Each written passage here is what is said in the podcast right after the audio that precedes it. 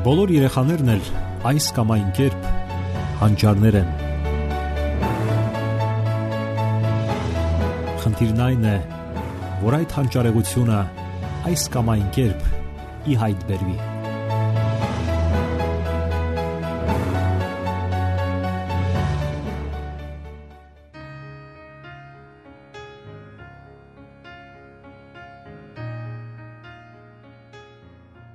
Բարև ձեզ, սիրելի ռադիո լսողներ։ Եթերում դասերակցություն հաղորդաշարն է։ Ամաչկոտությունը երեխաների մոտ տարածված երևույթ է։ Շատ ծնողներ են գանգատվում դրանից։ Նրանք ասում են, որ իրենց երեխան կաշկանդված է։ Տնից շատ քիչ է դուրս գալիս։ Ընդհանրապես քիչ է շփվում հասակակիցների հետ։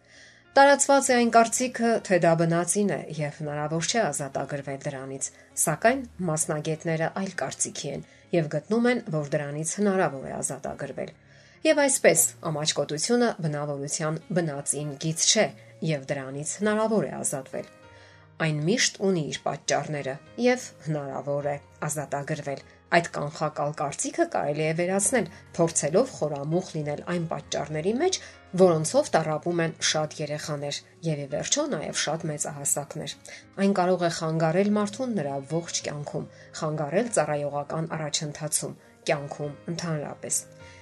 Ինչն է կարևոր ամենից առաջ։ Այն, որ բոլորովին էլ անվնաս չէ երեխային ամաչկոտ անվանելը։ Այդ պիտակը կարող է հետապնդել նրան նրա ողջ կյանքում։ Հարկավոր է հասկանալ, որ ամաչկոտությունը հիվանդություն չէ։ Դա մի մեխանիզմ է, որի մեջ ներգրավված են մի շարք գործոններ, եւ որոնցից ամենագլխավորը իր մասին ունեցած ցածր կարծիքն է, եւ դա ամենավտանգավորն է։ Հենց այստեղ կարևորվում է ծնողների դերը։ Նրանք առաջինն են շփվում երեխայի հետ եւ նրան տալիս անհրաժեշտ տեղեկատվությունը կամ ինֆորմացիան, ներարկում բնավորության գծերը։ Եվ ծնողները պետք է համապատասխան ձևով ուղղորդեն երեխային, օգնեն դրսևորվելու հասարակության մեջ եւ չվախենան կյանքից եւ հանդիպող դժվարություններից։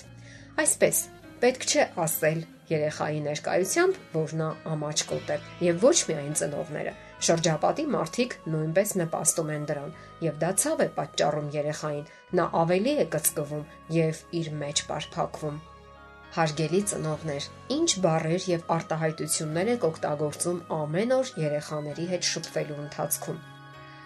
Ահա մի ոչ երկար ցուցակ. ծույլ, նյարդային, հիմար, ապուշ, ամաչկոտ, չար եւ այլն։ Սրանք բոլորովին էլ անմեղ արտահայտություններ չեն, որոնք որպես թե բնորոշում են երեխայի բնավորությունը կամ վարքագիծը։ Ինչքան էլ դժվար լինի հավատալ, սակայն ճշմարտությունն այն է, որ երեխաները միանգամայն այլ կերպ են ընդունում մեր խոսքերը։ Նրանց համար մեր խոսքերը ընդունվում են որպես ախտորոշում, որի հետ չեն վիճում։ Եվ նրանք ընդունում են այդ բնորոշումը որպես միանգամայն բնականon մի բան, որպես բնավորության անբաժանելի մի մաս, ինչպես ասենք աչքերի կամ դեմքի կամ մազերի գույնը։ Հետաքրքիր է, որ ծնողների կարծիքով կարելի է ազատագրվել այնպիսի որակներից, ինչպիսիք են բռնկվելը, կրվազան լինելը, աղմկարարությունը, իսկ ահա ամաչկոտությունից հնարավոր չէ ազատագրվել։ Եվ այդ չգիտակցված ներքին համոզվածությունը ծանր բեռան պես ճնշում է ոչ միայն ծնողին, այլ նաև փոխանցվում է երեխային։ Երեխային թվում է, թե ինքը հիվանդ է, որովհետև ծնողները այդպես են վերաբերվում իր հետ։ Նրանք սկսում են ղեկավարել երեխային կյանքի համարյա թե բոլոր իրավիճակներում, ուղղություն են տալիս, հրահանգավորում, եւ երեխան սկսում է ավելի բարթույթավորվել, վախենում է մարդկանց հետ շփումներից։ Իսկ երբ ծնողները ընթառաջ են գնում եւ զիջում, նրան պաշտպանելու նպատակով դա ավելի է խորացնում իրավիճակը։ Երեխային թվում է, թե ինքը իսկապես հիմնախնդիր ունի եւ հարկավոր է զգույշ լինել։ Հասկանալով այս ամենը խելամիտ ծնողը պարզապես պետք է գործի խելամիտ եւ երբեք ոչ մի ձևով չմտահոգվի ու չարտահայտվի։ Եվ պետք չէ հուզվել դրա համար։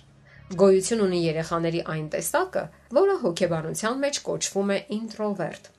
Այսպիսի երեխաները ամփոփված են իրենց մեջ։ Դանդաղ են խոսում, նույնիսկ անբարեհաճ տպավորություն են թողնում շրջապատում, սկսած մանկապարտեզից, դպրոցից եւ կյանքում ընդհանրապես։ Այն տպավորությունն է ստեղծվում, թե նրանք վտարված են հասարակությունից։ Այստեղ ծնողները փորձում են ամբողջ ուժերով վերափոխել նրանց։ Սակայն կան օրինակ մասնագետներ, ովքեր այն կարծիքին են, որ դա մեծ սխալ է։ Այդ կարծիքին է օրինակ նշանավոր ամերիկյան մասնագետ պսիխոթերապևտ Մարտի Լեյնը։ Նա գրում է. երբ երեխայի մայրը եւ տատիկը սեփական փորձով իմանալով, թե ինչ է ինտրովերսիան, փորձում են վերափոխել երեխային, դա միայն տարապանք եւ անլիարժեքության բարթույթ է պատճառում երեխային։ Դրա փոխարեն մասնագետը առաջարկում է ուշադրությունը կենտրոնացնել երեխայի ուժեղ կողմերի վրա, որpիսի անկասկած կան նրա մեջ։ Ահա ինտրովերտ երեխայի ուժեղ կողմերը։ Առաջինը՝ հարուստ ներքին կյանք։ Այս երեխաները հիանալի գիտեն, որ իրենք հարուստ ներքին կյանք ունեն Փոխանակ շուրջ բոլորը նայելու նրանք հենվում են ներքին pašարների վրա եւ առաջնորդվում սեփական պատկերացումներով։ Այդ պատճառով էլ նրանք խիստ կայուն են արտաքին ճնշումների հանդեպ եւ հազվադեպ են տրվում հոտային զգացումներին։ Նրանք միշտ ցանկանում են ներթափանցել իրերի երևույթների մեջ։ Իրենց մեջ խորասուզված լինելը նրանց ուժի աղբյուրն է, որը սակայն կարող է նաև միայնության պատճառ դառնալ։ Նրանք ձգտում են հասկանալ ոչ միայն իրենց, այլ նաև ուրիշներին, հասկանալ թե ինչն է առաջնորդում նրանց կյանքում։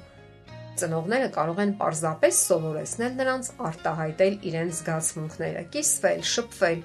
Ծնողները պետք է կիսվեն նրանց հետ հենց իրենց մտքերով, զգացմունքներով, հարցեր տան, սակայն չշտապեն պատասխանների մեջ, այլ հնարավորություն տան, որ երեխան մտածի։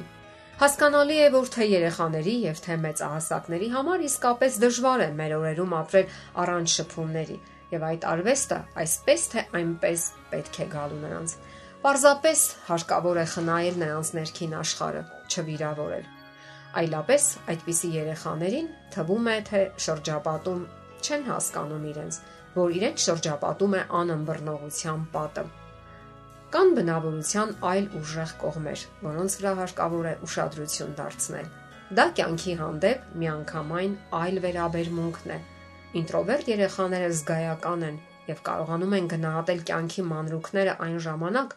երբ ուրիշները պարզապես չեն էլ նկատում դրանք։